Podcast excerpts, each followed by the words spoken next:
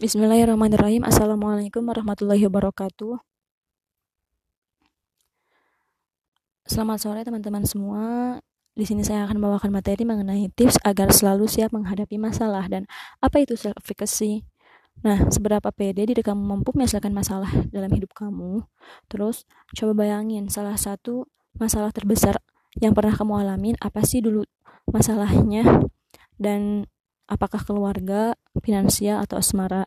Dan sekarang, hal terbesar apa sih yang menghalangi dalam menyelesaikan masalah itu? Mungkin kamu merasa sendirian, mungkin kamu gak ada merasa gak ada yang membantu, dan kamu ngerasa gak ada dukungan finansial yang mumpuni buat menyelesaikan masalah ini. saya butuh uang, tapi gak, kamu gak punya. Tapi aku paham, mungkin bukan kedua hal tersebut. Aku yakin bahwa kamu tahu terkadang hal yang menghalangi kamu untuk menyelesaikan masalah adalah diri kamu sendiri. Kamu aja yang gak pede, kamu aja yang gak yakin bisa menyelesaikan masalah dalam hidup kamu. Akhirnya kamu gak ngapa-ngapain atau malah kamu menghindar nyari jalan muter. Dan sekarang bayangin kalau kamu pede mungkin kamu akan ada di tempat yang berbeda banget. Tapi emang gimana sih caranya biar bisa pede dalam menghadapi masalah? Nah, pada podcast kali ini kita akan bahas kunci dari PD menghadapi masalah, yaitu dengan cara self efficacy. Dan lo uh, dan kamu akan belajar apa itu self efficacy, kenapa dia bisa bikin kamu pede dalam menghadapi masalah dan apa saja sih langkah-langkah untuk meningkatkannya. Yang pertama yaitu apa sih self efficacy itu? Menurut Bandura, orang yang menemukan self efficacy ini bahwasanya self efficacy adalah penilaian kita terhadap kemampuan diri sendiri untuk mengorganisir atau mengeksekusi aksi-aksi untuk mencapai tujuan yang diharapkan. Simpelnya kayak gini. Self-efficacy yaitu segimana kita percaya bahwa kita bisa mencapai sesuatu. Contohnya ini, kamu daftar uh, pada sebuah organisasi. Ah, contohnya kayak gini deh. Rina dan Reno. Dua orang ini daftar pada sebuah organisasi. Terus Rina itu sifatnya aktif banget, rajin disiplin. Malah dia punya moto apa pun masalahnya bisa uh, dia kerjakan malah bisa dia selesaikan. Tapi Reno dia orangnya nggak niat terus sering ngeluh um, dan juga dia malah suka bilang uh, bahwa dia itu salah dalam divisinya. Jadi dia merasa dia salah salah divisi gitu. Makanya dia uh, loyo ngerjain apapunnya. Atau bisa juga kayak gini Rina itu berarti efikasinya sudah tinggi makanya apa pun yang dia kerjakan bisa diselesaikan sedangkan Reno efikasinya belum tinggi makanya dia tidak bisa menyelesaikan masalah yang dia hadapi. Terus kenapa sih self efficacy ini penting? Self efficacy ini sangat penting karena dapat membantu menyelesaikan masalah dan juga membantu agar si masalah tersebut berjalan dengan lancar. Tanpa efikasi, kita tidak gerak. Efikasi mengurangi performance anxiety, bikin kita lebih tenang, santai, dan juga hasilnya bisa dikerjakan dengan maksimal. Nah, selanjutnya, gimana sih caranya ningkatin efikasi ini? Nah, self efikasi ini, efikasi ini bisa ningkat ataupun turun karena yang pertama, mastery experience atau simpelnya pengalaman. Pengalaman kita sebelumnya mempengaruhi efekasi pengalaman kegagalan bisa nurunin efikasi kita. Uh, dari pengalaman ini ada beberapa uh, yang mempengaruhi. Yang pertama, efikasi bergantung pada kesulitan yang kita lewatin. Contohnya pada lomba makan kerupuk. Nah, kita bisa ngalahin orang si juara dan juga perasaan kita pasti akan sangat bangga karena bisa ngalahin orang tersebut. Nah, berarti efikasi kita sangat tinggi. Terus yang kedua, hal-hal yang dilakuin sendiri cenderung lebih meningkatkan self-efficacy. Uh, apa pun pekerjaan yang dilakukan sendiri, rasanya akan berbeda dengan uh, pekerjaan yang dilakukan bersama-sama. Kegirangan dan kebahagiaan yang kita dapatkan pun akan berbeda. Contohnya dalam tarik tambang. Meskipun tarik tambang itu menang, tapi perasaan bahagianya itu berbeda dengan pekerjaan yang dilakukan oleh sendiri diri sendiri. Makanya self-efficacy ini bisa ningkatin uh, diri sendiri.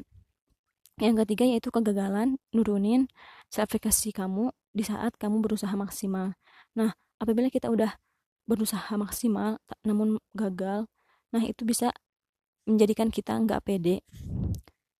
Terus yang keempat kegagalan yang kita alami dalam keadaan stres yang cukup tinggi gak terlalu menurunkan self mirip sama dengan yang sebelumnya. Yang kedua yang bisa ningkatin self efficacy diri kita adalah social modeling. Nah e, di sini kita bisa mengobservasi keberhasilan orang apakah punya kesamaan dengan diri kita atau tidak. Contohnya teman kelas kita. E, teman kelas kita ini bisa menyelesaikan masalahnya dan juga bisa menyelesaikan contohnya menyelesaikan ujiannya. Nah berarti kemungkinan apabila dia bisa berarti kita pun bisa bisa menyelesaikan masalah tersebut. Selanjutnya yang ketiga social persuasion e, dorongan realistis dari orang lain bisa memotivasi kamu untuk ngeluarin usaha lebih maksimal contohnya perkataan dari orang tua kita uh, bahwa kamu yakin kamu itu bisa menyelesaikan masalahnya. Nah, ini itu bisa mendorong dan juga menjadi salah satu hal ningkatin efikasi diri kita. Dan yang terakhir yaitu keadaan fisik dan mental. Nah, keadaan fisik dan mental ini mempengaruhi kita untuk meningkatkan efikasi diri kita. Contohnya kita mengikuti maraton, tapi tiba-tiba kita sakit perut. Nah, berarti kita nggak bisa lanjut mengikuti maraton ini karena keadaan kita sedang sakit perut maka dari itu keadaan fisik dan mental pasti sangat mempengaruhi efikasi kita nah yang tadi dari sisi teori sekarang dari sisi praktiknya apa hal yang bisa kamu lakuin secepatnya buat naikin efikasi kamu. Tips-tipsnya yang pertama yaitu rational comparison yaitu perbandingan rasional. Bisa dengan cara observasi atau yang tadi bisa naikin dan juga naik turunin efikasi kamu. Ehm, dan juga kita tidak boleh membandingkan dari satu hal aja. Di sini terbagi dua. Yang pertama yaitu bandingkan diri kamu dengan uh, hal paling rasional untuk di dibandingin dengan diri diri kita. Nah, yang kedua, our life is a great opportunity cause game.